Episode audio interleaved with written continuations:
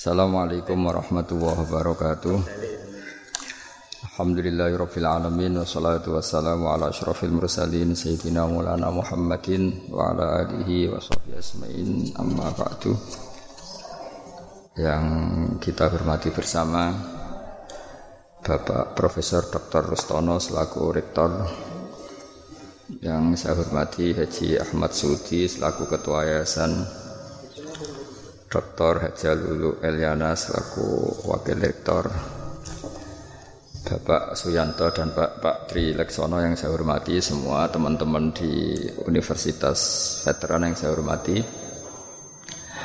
judul yang kita pakai hari ini atau sore ini adalah muhasabah dan munajat kebangsaan uh, saya cerita sedikit tentang teks tag resminya kebangsaan. Jadi kalau dalam bahasa Arab kebangsaan atau komunitas itu disebut al-mustama.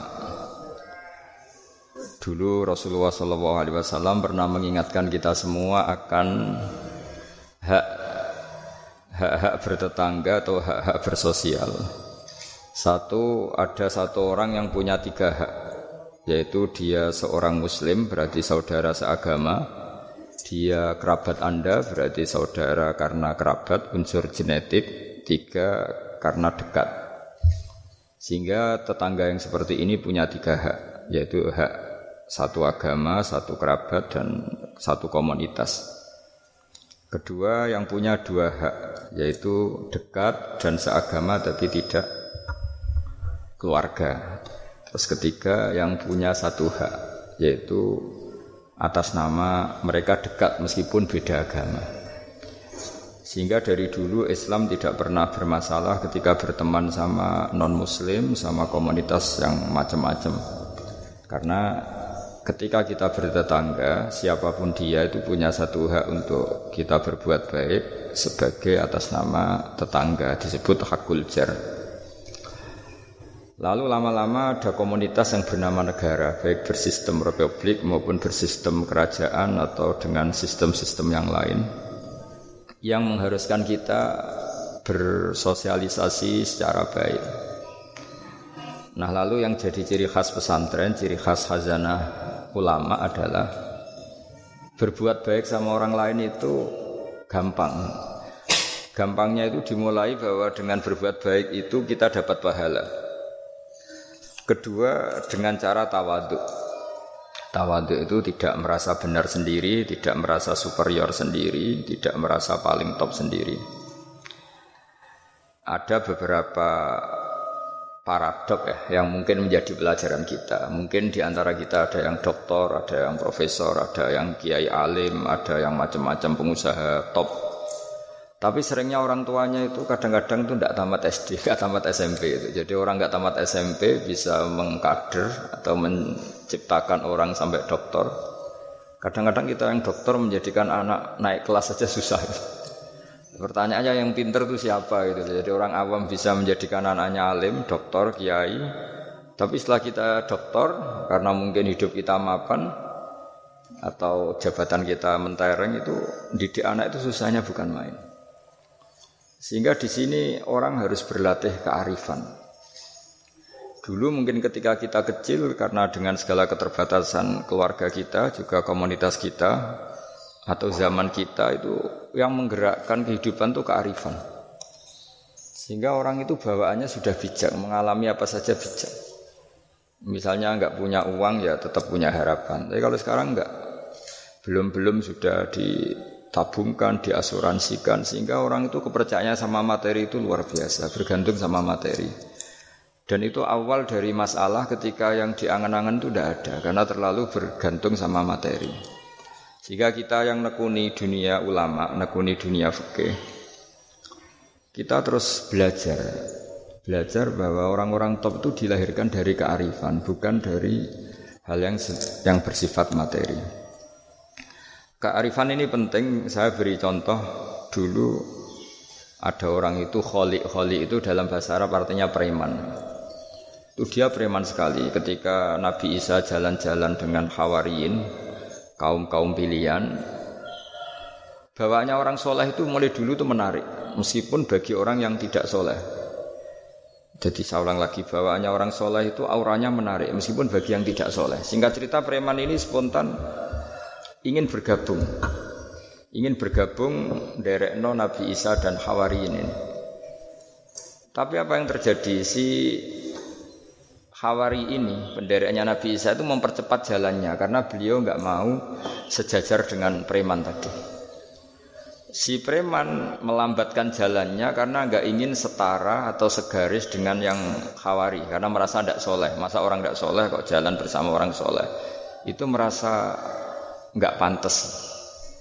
Lah yang Hawariin merasa ingin cepat karena angkuhnya, nggak ingin jajar orang preman. Saat itu juga Allah memberi wahyu kepada Nabi Isa. Wahai Isa, bilang ke santri kamu itu yang orang khawariin, semua kebaikannya saya hapus. Dan bilang sama yang preman itu semua keburukannya tak hapus. Yang satu dihapus kebaikannya karena angkuh, yang satu dihapus kejelekannya karena tawadu. Kata Allah, liyas taknifa al amalah. Dua-duanya harus mulai dari nol untuk menjadi orang baik. Yang satu kehilangan semua kebaikannya, yang satu kehilangan semua keburukannya. Sehingga dari cerita-cerita kitab seperti ini di kitab Ikhya, saya menyaksikan sendiri guru saya Kiai Haji Memun Zubair, bapak saya mulai cerita orang-orang soleh dulu. Itu bertetangga dengan siapa pun nggak masalah. Karena ada orang yang sedang fasik, sedang preman, sedang itu dibahasakan sedang. Sedang itu nggak ada jaminan kalau berakhir dengan seperti itu. Jadi bagian dari kearifan kiai-kiai berbangsa dan bernegara karena tidak pernah menstigmasi bahwa orang lain itu lebih buruk ketimbang kita. Sehingga ya kita nyaman saja. Nyaman berteman siapa saja karena kita tidak pernah punya perasaan lebih baik. Nah, di sini kenapa para kiai itu fleksibel berteman berbagai kelompok karena tidak pernah merasa lebih baik. Atau dalam bahasa terkenalnya disebut tawaduk. Jadi ketika orang merasa lebih baik, maka akan ada keangkuhan. Keangkuhan ini melahirkan sentimen, sentimen ini lama-lama menjadikan sosial yang nggak sehat, bisa chaos. Nah dari pelajaran itu akhirnya kita, kita kita cara bernegara, kita cara bersosialisasi itu ya nyaman-nyaman saja. Karena Allah Ta'ala itu membuat status sebenarnya itu di akhir. Disebut husnul khotimah atau su'ul khotimah. Jadi banyak dicerita orang-orang dulu orang yang nyantri dari awal niat nyantri nggak jadi jadi wali. Sunan Kalijogo yang pertama kenal Sunan Bunang karena ingin garong karena ingin begal dalam cerita-cerita yang legendaris itu justru jadi santrinya dan jadi wali. Jadi perkenalan yang awalnya tidak baik berakhir dengan baik. Kadang-kadang perkenalan yang baik berakhir dengan kroni dengan macam-macam yang tidak baik. Nah, dari sekian peristiwa itu akhirnya para ulama menyimpulkan bahwa hanya biadihi al-amru, hanya Allah yang bisa mengendalikan semua urusan. Sampai-sampai Nabi misalnya kurang berkenan sama namanya Wahsy, karena Wahsy itu pembunuh Sayyid Hamzah, paman yang paling dicintai Rasulullah. Itu mangkelnya Nabi sebagai manusia itu yang mangkel betul. Tapi sama Allah justru Wahsy ini dikasih hidayat. Kemudian menjadi Islam dan Islamnya baik sekali. Dan dulu ada sahabat namanya Sa'labah itu pecinta masjid, sering ibadah. Tapi karena mungkin sange overnya atau gimana, dia trauma jadi orang soleh, malah jadi orang nggak bener. Cerita-cerita seperti ini tuh memang nggak bisa digeneralisir, nggak bisa digeneralisir untuk curiga sama orang-orang soleh. Tapi saya pastikan cerita seperti ini tuh melahirkan kearifan, kearifan bahwa manusia itu akan selalu dalam tanda petik ketakutan, dalam kekhawatiran bahwa mereka tidak bisa mengakhiri hidupnya dengan baik. Sehingga di sini melahirkan kearifan dan dari kearifan itu kita bernegara itu akan baik karena kita tidak mungkin menstigmasi kelompok lain itu sangat buruk atau sangat bahaya atau ancaman karena kita sama-sama punya kearifan untuk berkawan bersosialisasi. Dalam kitab-kitab yang saya baca, ini karena acara kampus, muhasabah yang sebenarnya itu ya dimulai dari hal-hal seperti ini. Saya sering baca kitab namanya kitab Al-Hikam. Itu beri satu pemikiran besar bahwa yang kita kira baik itu ya orang lain itu. Jadi kiai-kiai kecil itu kan lakunya itu ya di acara-acara kecil itu. Ya kalau kiai besarnya datang pasti ini nggak keduman itu. jadi acara mana kipan kok kiai besar datang, wong jadi lakon itu benda ada acara gitu saja kok yang besar datang pasti jadi tidak laku itu. Ada acara seminar di SMP kok yang datang rektor Unifek itu kan terus nggak payu yang narasumber kecil-kecil itu. Jadi dibalik datang yang niatnya merakyat justru menutup atau memahjubkan orang-orang yang harusnya jadi aktor di situ. Itu kan ibarat kita bikin toko besar di daerah-daerah tertinggal. Niatnya baik supaya daerah itu maju, kebutuhannya terpenuhi. Tapi ini yang retail-retail kecil menjadi terancam. Nah, di sini terus ada kearifan dalam kitab hikam yang dijelaskan itu. Manusia itu siapa? Manusia itu orang yang saat baik saja itu ada jeleknya, apalagi saat jelek. Dulu bapak saya sering guyon itu, kalau ada imam masjid istiqomah jadi imam terus. Sampai tua jadi imam tuh. Kan seringnya dipuji istiqomah. Tapi kata bapak saya itu ya gara-gara dia istiqomah itu tidak ada kader. Sampai orang lain frustrasi jadi imam itu jadi di balik istiqomahnya ini sebetulnya memahjubkan sekian kader imam gitu karena terus orang lain jadi imam nggak nggak berani gitu. dan akhirnya nggak ada kaderisasi tapi misalnya dia pelin juga tidak baik masa imam kok pelin kadang hadir kadang enggak Orang yang terlalu mencintai istri juga gitu. Kalau terlalu harmonis pasti ibunya terancam, saudara-saudara keluarganya terancam sehingga hubungan sosialnya dengan keluarganya kurang baik. Begitu juga dengan teman-temannya. Tapi kalau agama menyarankan dengan istri yang mesra juga keliru. Masa menyarankan begitu? Tapi kalau terlalu mesra pasti hak-haknya yang lain terganggu. Nah ini yang disebut muhasabah. Muhasabah itu kata kitab hikam kita harus mengevaluasi bahkan dalam hal-hal yang yang tadi, yang yang baik. Termasuk dalam kitab itu dijelaskan bahkan minta surga saja atau minta neraka itu ya kadang-kadang kurang baik. Bukan karena mintanya yang kurang baik begini. Orang soleh ini cerita orang soleh. Nanti orang-orang yang soleh itu kalau ketemu Allah itu masih di digojlok lah, masih agak-agak disalahkan gitu. Kenapa kamu ibadah terus itu? Eh, Gusti karena saya ingin masuk surga. Yang satu ditanya, kenapa kamu ibadah serius? Karena saya takut masuk neraka. Akhirnya Allah ngendikan masyur itu dalam hadis. Laulam akhluk jannatan wala naron alam akun ahlan an utoa. Lalu andekan saya tidak bikin surga atau neraka, lalu kamu tidak nyembah saya. Berarti kamu nyembah saya karena saya bikin surga, saya bikin neraka. Andekan saya tidak bikin surga atau bikin neraka, berarti kamu tidak nyembah saya. Kaget orang soleh ini. Padahal Allah selalu Tuhan meskipun tidak bikin surga dan tidak bikin neraka. Tapi orang bisa baik itu karena dimotivasi ada surga dan neraka. Tapi andaikan kita menyembah Allah karena surga karena neraka, problemnya lalu kalau Allah tidak bikin surga apa neraka, apa kita terus tidak baik? Tidak menyembah Allah. Sehingga kalau di Quran itu ada fattakun nar, tapi ada fattakun ya ulil albab. Takutlah kepada saya kalau kamu punya akal. Jadi takutnya bukan kepada tidak masuk surga atau takut masuk neraka, tapi takutnya pada Allah Subhanahu wa Begitu juga hubungan kita dengan istri. Tidak muji istri itu gimana? Kita misalnya ditanya, kenapa kamu mencintai istri kamu? Karena dia cantik, karena dia baik. Sebenarnya kalimat itu bahaya. Bahayanya adalah berarti suatu saat masa aku Israel kira seneng aku. Tapi kebetulan rata-rata istri ini diomongin gitu tuh bangga. Karena dipuji cantik. Padahal sebenarnya ini masalah. Kalau mencintai karena cantik, suatu saat pasti tidak cantik. Artinya apa? Apa pun pilihan kata kita, sebenarnya ada banyak masalah. Karena tadi, menurut kitab hikam, manusia itu siapa? Orang yang saat baik saja itu ada jeleknya. Kalau kamu mencintai seseorang karena dia baik, berarti suatu saat kalau tidak baik kamu tidak cinta. Bukan karena kemanusiaan. Kalau kamu menyembah Allah karena surga, kan Allah tidak bikin surga, berarti kamu tidak menyembah Allah. Padahal enggak kita menyembah Allah meskipun kan Allah tidak bikin surga, tidak bikin apa? neraka. Nah, evaluasi-evaluasi seperti ini itu dibutuhkan muhasabah karena kita bernegara sampai sebaik ini itu barokahnya ilmu, barokahnya tawadu. Tawadu itu tidak pernah menfonis bahwa kelompok lain atau orang lain itu lebih baik ketimbang kita. Saya punya contoh. Saya punya santri banyaklah cerita-cerita seperti ini yang tidak pati alim itu. barokahnya ndak alim itu hidup di daerah-daerah tertinggal. Begitu juga di kampus lah, gara-gara dia tidak kumplot mungkin atau mahasiswa biasa mungkin di hidup di daerah-daerah tertinggal. Barokahnya apa? Karena hidup di daerah tertinggal. Semuanya dia itu pionir, heroik. Bikin masjid sendiri, nyari-nyari tanah sendiri. Ya sudah, akhirnya dia pendiri masjid. Begitu juga anak-anak mahasiswa yang di kampung-kampung tertinggal. Mungkin dia mengadakan apa eh, pipanisasi dari gunung atau apalah bantu masyarakat yang semuanya dia serba pionir.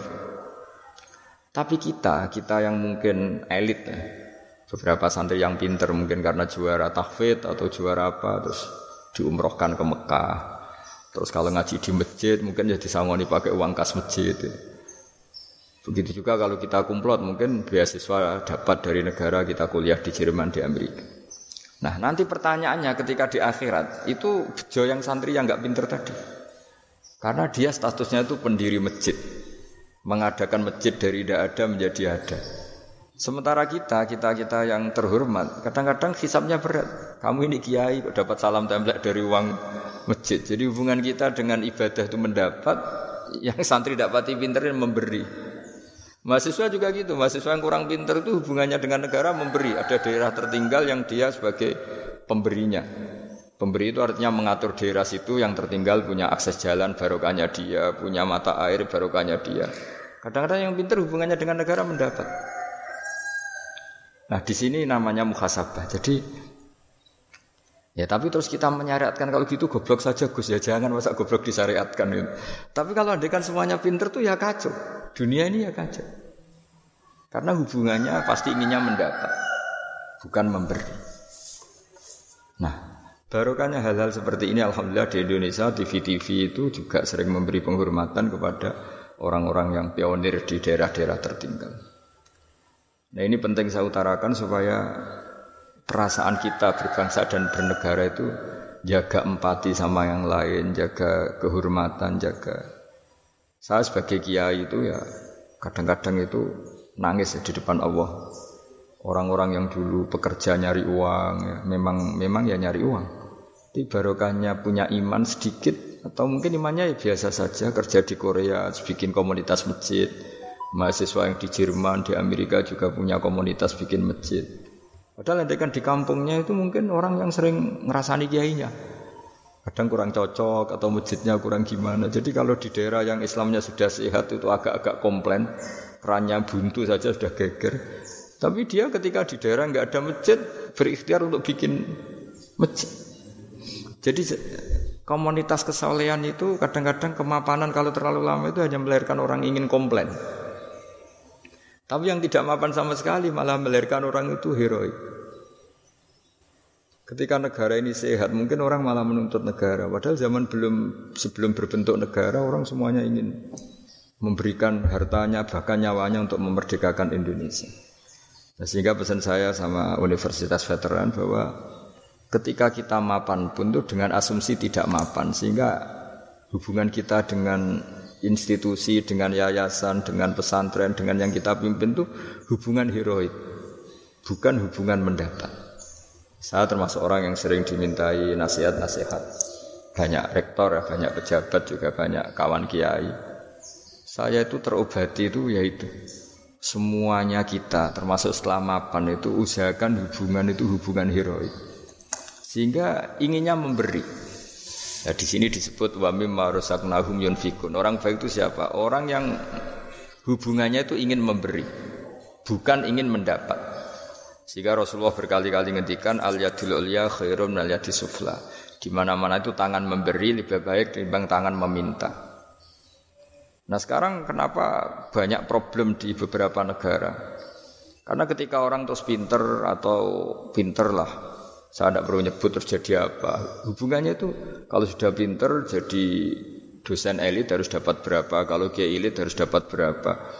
Itu kalau semuanya ingin mendapat, ini negara bisa bisa pusing. Yang guru besar ingin dapat banyak karena guru besar, kiai besar karena kiai besar. Yang miskin juga ingin mendapat karena miskinnya. Nah kalau semua orang yang pinter, yang bodoh, setengah pinter, setengah bodoh hubungannya dengan negara ingin mendapat, ini negara bisa keteter. Tapi kalau hubungannya ingin memberi, Atau kalaupun ingin mendapat ya sumbut lah kalau orang Jawa sumbut dengan yang diberikan. Itu insya Allah semuanya akan stabil. Jadi intinya agama ini menitik beratkan supaya hubungan kita dengan orang lain, dengan negara itu kalau bisa hubungannya itu ingin memberi, bukan ingin mendapat. Tapi kalau semuanya yang miskin merasa berhak mendapat karena miskinnya, yang guru besar karena guru besarnya, kiai besar karena kiai besarnya, semuanya menarik dirinya sendiri ini akan kacau. Nah dulu zaman pra kemerdekaan atau kalau dalam Islam pra kemenangan itu semua sahabat, semua saudara kita kalau dalam pra kemerdekaan ya semua orang Indonesia hubungannya sama negara itu inginnya memberi. Jika negara ini bisa berdiri, bisa merdeka ketika sebelum ada institusi, belum ada tata struktur negara. Sementara negara sesehat apa pun kalau hubungan masyarakatnya ingin mendapat itu berat. Nah, di sini heroiknya para leluhur kita bahwa mereka bisa melewati masa-masa sulit karena dengan mental ingin memberi. Ya memberi apa saja, entah pikirannya, entah keuangannya, bahkan kalau dulu nyawanya. Jadi ini yang saya titik beratkan sebelum saya tutup eh, saya ingin cerita ya tentang tadi tentang saya jelaskan. Jadi dulu perasaannya orang meskipun sesoleh apa pun sebaik apa pun perasaannya itu ada saja salahnya. Sehingga kalau dalam makalah paling terkenal yang didawuhkan Robi Adawiyah itu wastighfaruna yahtaju ilal sudah minta maaf sama Allah saja. Sebetulnya dalam minta maaf ini juga butuh istighfar lagi. Karena orang minta maaf itu kadang-kadang ya ya ingin mendapat yang lebih. Ada orang punya utang itu tanggungan sama istrinya karena sering masalah itu. Itu minta maaf itu ya supaya bisa utang lagi. Jadi gayanya minta maaf tapi supaya bisa utang lagi. Mungkin kita kalau punya utang sama orang lain gayanya minta maaf tapi supaya punya akses utang lagi. Itu namanya minta maaf tapi ada masalah. Nah jangan-jangan istighfar kita sama Allah juga gitu. Istighfar sama Allah tapi minta dimaklumi kalau salah lagi. Nah di sini karena masih ada tercampur mental seperti ini kata Rafi Adawiyah wastighfaruna yahtaju istighfar. Ketika kita Istighfar itu masih butuh istighfar yang lain. Nah dalam kebaikan juga gitu. Ketika kita baik jadi orang soleh, ternyata bawaan kita ingin dihormati. Dulu sebelum kita soleh itu ya kalau di majelis di belakang nggak tersinggung, nggak diperlakukan khusus nggak tersinggung. Tapi setelah kita soleh, setelah kita kiai, setelah kita dosen, setelah kita rektor, kalau nggak duduk di depan tuh kayak nggak diregani. Itu ya termasuk mental-mental yang kurang baik kalau dalam ilmu tasawuf. Justru setelah kita terpelajar, malah permintaannya aneh-aneh.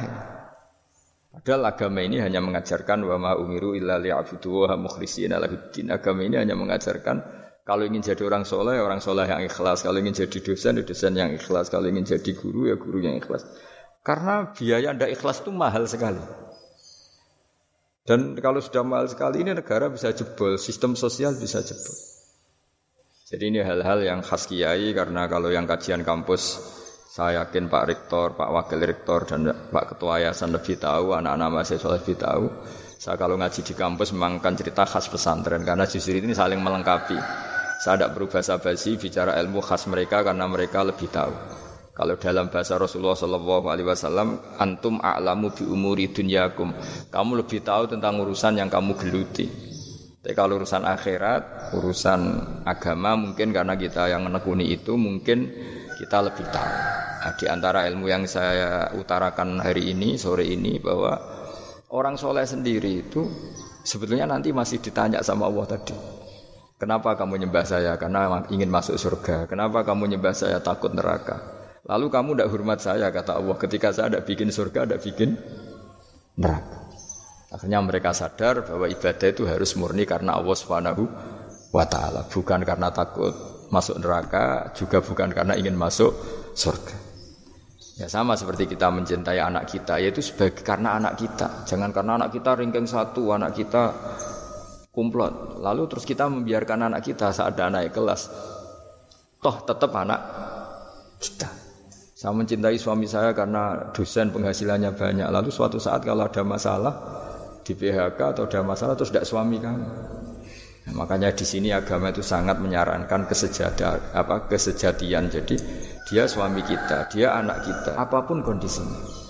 Nah kira-kira gitulah ikhlas itu kira-kira seperti itu. Jadi jangan sampai alasan-alasan yang bersifat materialistik itu yang menjadikan kita mencintai istri karena cantik, mencintai suami karena hasilnya besar. Suatu saat kalau itu berubah, kita akan masalah.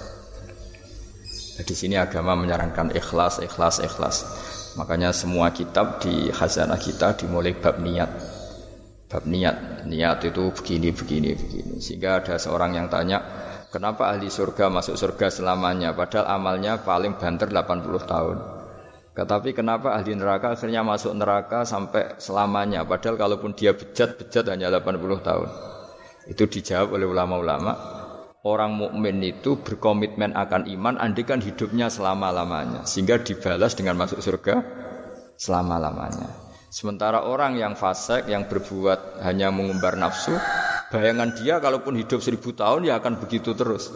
Dan dia ketika mati dengan status dia berencana andekan sehat maksiat terus.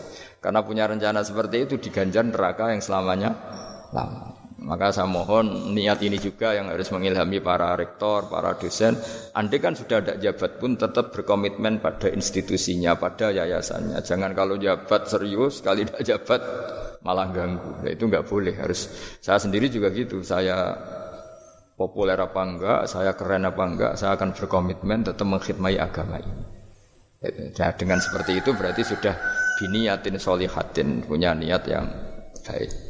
Uh, saya kira demikian karena memang suasananya apa masih pandemi tapi ya tetap terima kasih meskipun lewat virtual tapi saya mohon sekali komitmen ikhlas ini dan tawadu ini karena bernegara itu kalau negara mungkin jaganya kan lewat tentara, lewat polisi, lewat institusi, lewat aturan-aturan itu semua orang supaya merasa tertib. Tapi kita sebagai kiai tertib itu dimulai cara tawaduk tadi karena kita tidak merasa paling benar sehingga hubungan dengan siapa pun kita akan baik. Tapi kalau sudah orang merasa benar sendiri, bahkan saya dengan anak saya itu ya sering takut. Ya karena jangan-jangan benar anak saya. Saya berkali-kali cerita di mana-mana. Bapak saya itu kalau ada santri sedang guyon mau manggil itu gak jadi. Padahal beliau ingin memerintahkan untuk urusan apa? Alasannya bahagia itu mahal. Sehingga kalau saya jadi manggil ganggu bahagianya santri ini. Saking tawaduknya bapak saya itu. Bahagia itu mahal gitu. Jadi kalau saya manggil pas dia bahagia mengganggu. Gitu. Padahal bapak itu kiainya. Jadi orang dulu kearifannya tawaduk itu sampai dengan santrinya, dengan anaknya. Itu tawaduk. Dan ini yang yang menjadikan kita semua baik-baik saja ya karena tawadhu tadi. Makanya orang kuno dulu itu kalau nasihati anaknya mau merantau itu mesti yang enggak lupa itu jolali sholat sampai uang sing ape, sing tawadhu, sing ngalah. Ya, saya mohon kearifan-kearifan ini dijaga karena kita bernegara ini sampai merdeka ya barokahnya kearifan leluhur. Kita sudah menikmati kemerdekaan sedemikian rupa itu kenapa bangsa ini bisa lolos dari penjajahan? Karena orang-orang luhur dulu itu nasihatnya tunggal tadi. Kita patriotik, kita heroik, hubungan dengan negara memberi, nah, sehingga terus bisa bisa merdeka. Coba kalau dulu sudah latihan merdeka, hubungannya mendapat geger rebutan aset, rebutan apa saja bisa habis kita sebagai bangsa. Ya, saya kira demikian. Assalamualaikum warahmatullahi wabarakatuh. Yang sini sobo. Langsung dulu. Halo. Apa? Niki ada tanya jawab. Oh iya. iya. Atur kono ke sampun dari sana langsung. Dari sini aja. Mboten pun dari anu, namun dari ya. Ribet ketua yayasan. Alhamdulillah. Nanti kan nggak pandemi di sini 20 itu lebih cair. Nggih. Nggih, mari anu. materi yang sangat menyejukkan hati kita semua pada sore hari ini uh, yang sangat berharga untuk kita pada sore hari ini teman-teman sekitar akademika universitas dan khususnya ya begitu uh, niat rasanya. Jadi yang berada di gedung alam tiga ini dan uh, seluruh peserta ya baik dari mahasiswa maupun dari umum ya um, sangat antusias sekali. Uh, saya mungkin mohon izin untuk menyimpulkan sedikit apa yang sudah kita um, dengarkan bersama-sama mutiara-mutiara ilmu dari sore hari ini tentang muhasabah um, mengevaluasi diri dan mukhalafah artinya menentang an-nafsul amanah dengan tidak menuruti kemauannya. Nah, uh, tadi kita mendengar bersama-sama bahwa bentuk al-qulub adalah dengan tidak melakukan muhasabah dan mukhalafah, yaitu ketika seseorang selalu memperturutkan hawa nafsunya dan juga poin penting yang disampaikan oleh Gus Mbak sore hari ini bahwa baik menjadi orang yang penting tetapi lebih penting menjadi orang yang baik. Dan juga yang kedua takut sama Allah Subhanahu wa taala, takut karena masuk neraka. Jangan pernah mapan kecuali di hadapan Allah Subhanahu wa taala. Dan tangan di atas lebih baik daripada tangan di bawah. Kalau ada yang salah dari apa yang sudah saya simpulkan rekan-rekan yang ada di gedung alat medisnya ataupun seluruh peserta kalau ada pertanyaan oh, iya. ini coba saya bacakannya Mas Linda saya dibantu Mas Linda. Ini yang saya lihat banyak sekali. Nah silakan. Eh, saya di WA saya kalau dipakai presiden sama menteri kalau virtual bagus. Uh, sangat menarik sekali ya untuk rekan-rekan dari khususnya dari Tendik sore hari ini support yang luar biasa bahwa uh, Universitas Event ini memang sedang melewati masa-masa heroik yaitu apa yang disampaikan oleh Mbak menjadi spirit yang luar biasa bagi kami. Um, kita bersama-sama nantinya bisa selalu memiliki sifat heroik tidak hanya uh, ini ya mendapatkan tapi juga itu tadi memberi Wal marut aku nanggung. Uh, silakan Mas Lingga saya dibantu kan saya Ahmad Zainuri dari Ikatan Jomblo Nahdlatul Ulama. Mau tanya Gus, apakah nanti orang yang belum menikah tapi sudah meninggal akan dapat jodoh di akhirat? Pertanyaannya. Ini ada pertanyaan uh, seperti ini uh, yang masuk. Nah ini bagaimana kita menjaga kestabilan keimanan kita dalam menghadapi cobaan di tahun 2021 Gus? Ini ada pertanyaan dari Lansini Satriani.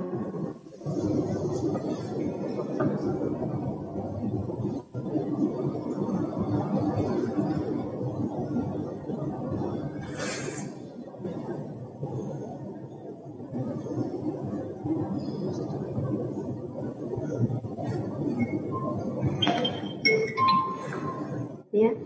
Iya, iya. Suaranya nggak jelas. Suara tidak jelas. Ya, ini langsung langsung lewat HP aja. Oh ya, jadi begini, ada pertanyaan bagaimana kita menjaga kestabilan keimanan kita dalam menghadapi cobaan di tahun 2021. Oh, ya. Langsung deh. Uh, begini ya, jadi Nabi yang paling terkenal diuji itu namanya Nabi Ayub. Nabi Ayub itu diuji punya penyakit itu lama sekali. Terus ketika istrinya mulai galau itu mulai gundah. Ini Fa kamu itu Nabi kok diuji sampai sekian lama terus uh, si Nabi Ayub tanya, kamu sehat sudah berapa puluh tahun? Sudah kira-kira 60 tahun itu. Kamu sakit, kita sakit baru berapa satu tahun itu. Ya sudah kamu harus ingat betapa Allah ngasih kesehatan itu jauh lebih lama ketimbang kita ngadepi penyakit. Kita kan kemarin ngadepi pandemi baru mulai pertengahan Maret sampai sekarang dibanding kita sehat berpuluh-puluh tahun kan masih nggak imbang sehingga ingat sisi nikmat istilahnya fazkuru ala Allahil alakum tuflihun. Jadi hidup itu hubungan dengan Allah, dengan orang lain itu harus lebih ingat sisi-sisi nikmat. Bahwa ujian ini jauh lebih ringan dibanding saat kita diberi kebaikan. Jadi sehingga nggak nggak perlu cemas ya sudahlah kita berikhtiar untuk menghadapi covid ini tapi nggak perlu cemas karena sebetulnya apa ya nikmat yang dikasih Allah itu jauh lebih besar itu. Dan saya sering cerita bahwa ketakutan akan covid atau ketakutan pandemi itu ya dimulai dari kita terlalu fokus Andai kan kita peneliti geologi atau peneliti alam ini mungkin takutnya likuifaksi mungkin. Mungkin kalau peneliti sosial takutnya Indonesia itu chaos. Mungkin kalau peneliti apa gitu ya, mungkin peneliti udara atau peneliti polusi takutnya itu polusi. Jadi ketakutan akan manu, di antara manusia itu kan memang khasnya itu walana nakum bisyai'im minal khaufi wal di antara khasnya manusia itu memang punya rasa takut. Dan rasa takut ini sesuai spesialisasi masing-masing. Kalau dokter ya takutnya hal-hal seperti itu, takut covid, takut pandemi, takut ini itu. Mungkin kalau pakar sosial takutnya kalau Indonesia ini keos, saling ancam, saling menikam itu. Nanti takutnya orang ekonomi Indonesia ini kalau sampai mengalami kebangkrutan dan sebagainya. Tapi apa pun itu kita yakin bahwa mulai dulu ada masalah, dan kita selalu bisa melewati dengan baik satu ya karena tawakal dua karena ikhtiar-ikhtiar yang secukupnya untuk menghadapi pandemi ini ya kira-kira seperti itulah untuk menghadapi supaya kita imannya tetap stabil karena hubungan Allah dengan kita jauh lebih banyak memberi nikmat ketimbang ujian-ujian ada ujian kayak pandemi itu.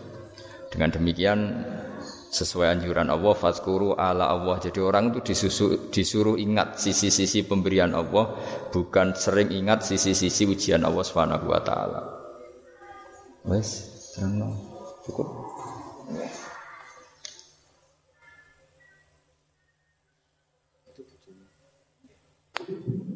Oke, sudah terjawab dari Gus Baha. Suara saya bisa didengar apa tidak?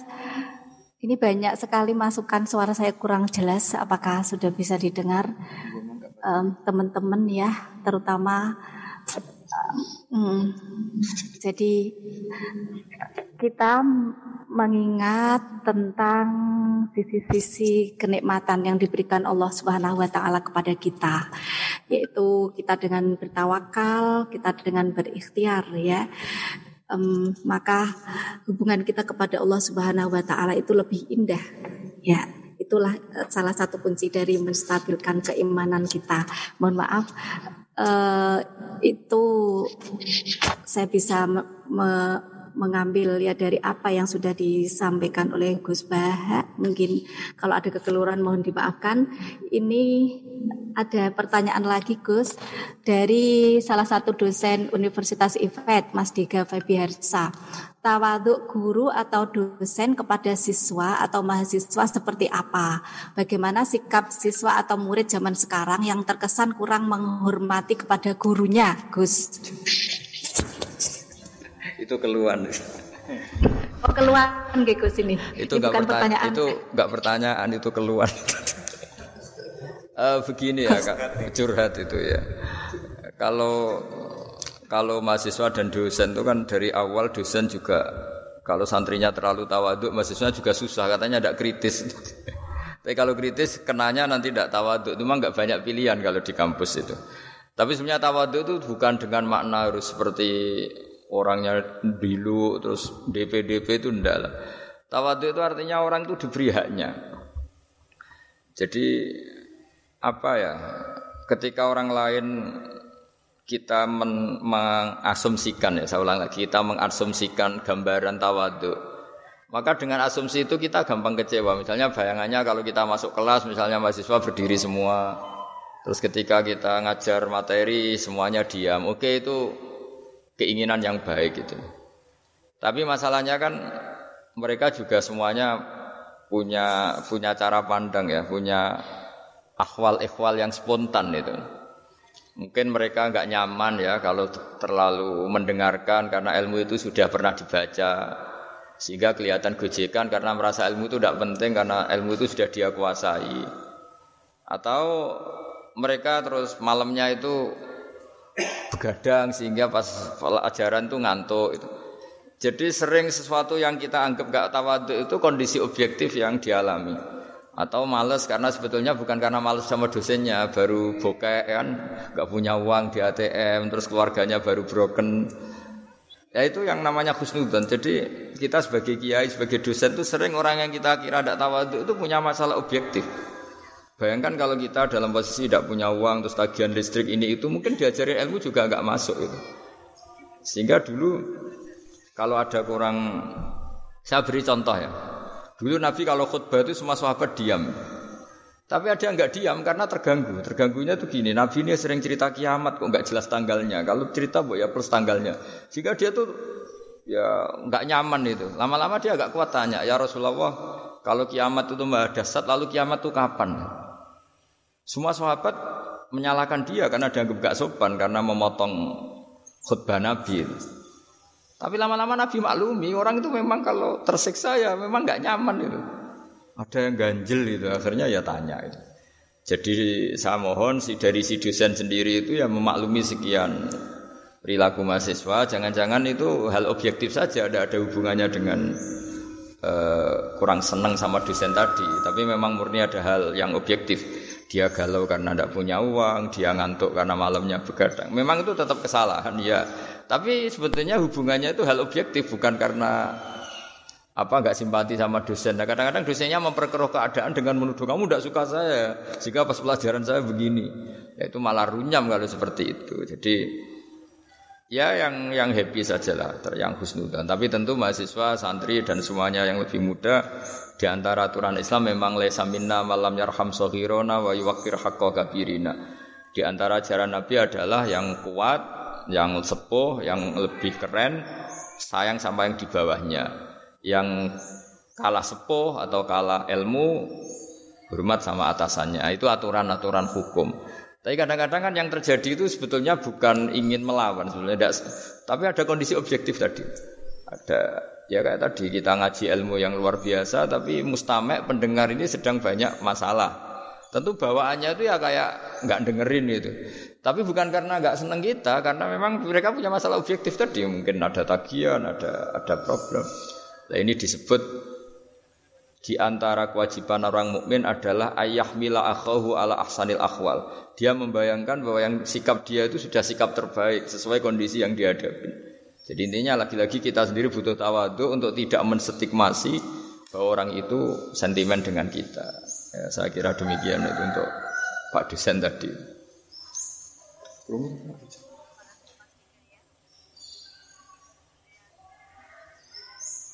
Cara wedok bojone Pak Mufti tapi ngomong Pak Mufti. Ternyata ada lagi galau ono buku.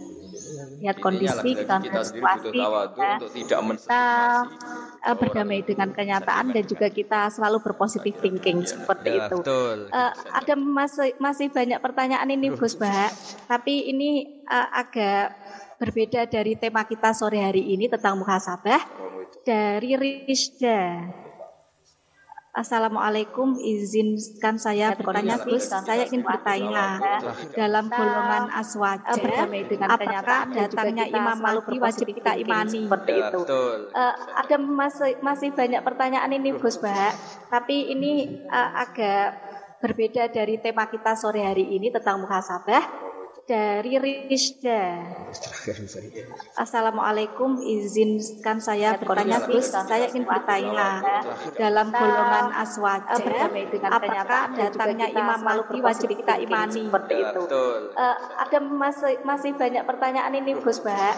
Tapi ini uh, agak berbeda dari tema kita sore hari ini tentang muhasabah dari Rizda.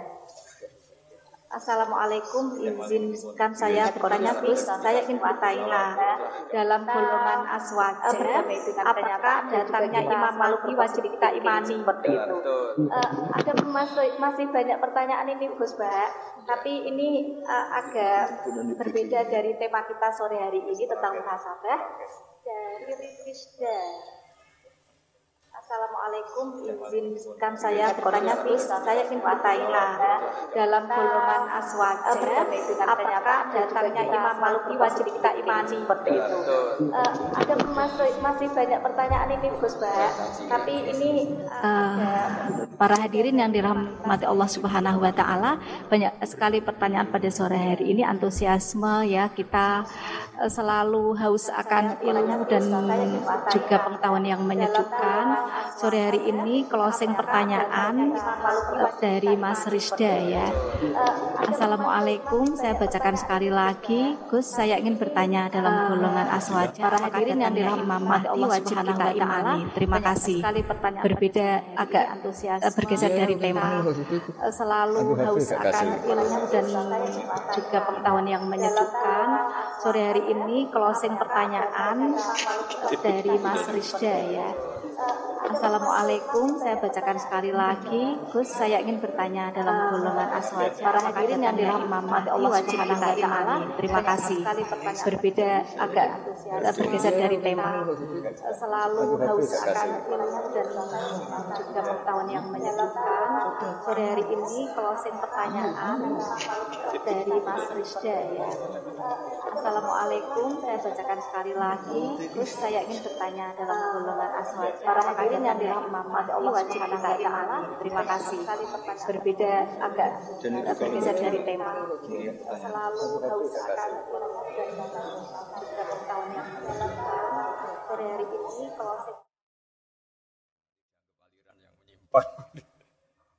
Begini ya, jadi dalam pandangan ahli sunnah wal jamaah datangnya Imam Mahdi, datangnya Nabi Isa itu memang dianggap apa ya di, dihukumi wajib lah iman seperti itu dihukumi wajib. Tapi tidak sewajib iman-iman yang lewat hadis mutawatir atau hadis masyhur. Karena ini wilayah yang sensitif. Sensitifnya begini ya, kata Mahdi sendiri itu nama apa gelar. Kalau itu nama berarti ada orang namanya Mahdi yang datang di akhir zaman. Padahal faktanya nanti yang yang datang itu orang bernama Muhammad, bapaknya adalah namanya sama dengan bapaknya Nabi. Iwafiku ismuhu ismi wa abuhu abi. Jadi namanya itu Mahdi sendiri sama dengan nama Nabi dan bapaknya sama dengan nama bapak Nabi. Sehingga Mahdi di sini bisa saja artinya itu orang yang dapat petunjuk yang datang di akhir zaman. Nah, kalau sampai tanya iman ya kita iman, tapi tidak seketat atau sewajib iman wajibnya sholat, wajibnya puasa. Jadi sama-sama berstatus wajib iman tuh ya ada ada kelasnya ya, ada kelas mainnya. Jadi kalau sesuatu itu mujma alaih atau mutawatir itu tingkat kewajibannya itu ekstrim gitu. Tapi kalau dari riwayat yang di bawah itu ya sama-sama masih wajib, tapi ya wajib-wajib yang yang yang jauh di bawah itu. Ya intinya proporsional lah. Jangan lalu hidupnya Anda dihabiskan untuk membayangkan nanti Mahdi itu wajahnya kayak apa, terus cara perangnya kayak apa. Lama-lama kamu filmkan itu malah gak karu-karuan tuh kalau khayalnya sudah ya ya ya sekedar iman tapi tidak seiman kalau kita wajib membenarkan Rasulullah Muhammad SAW dengan segala apa yang jawab beliau yang sampainya kita lewat torikut tawatur dengan cara yang sangat masyur, sangat terkenal dan diijmai ulama. Nah, yang kelas-kelas seperti ini yang imannya itu harus benar-benar ketat. Tapi kalau riwayatnya itu mutawatir yang di bawah itu atau masyur atau apalagi ahadi yang meriwayatkan hanya personal-personal rawi tidak konsensus itu tingkat imannya di bawah itu. Ya sama lah seperti hukum sosial umumnya. Kalau informasi ini masif dan semua TV memberitakan misalnya dan semua yang orang adil percaya, mulai pejabat rakyat tahu ya. Tapi kalau informasinya baru personal-personal di bawah itu ya tingkat imannya juga. Jadi intinya sama-sama wajib itu kualitas kewajibannya beda-beda sesuai kualitas riwayat. Ya saya kira demikian.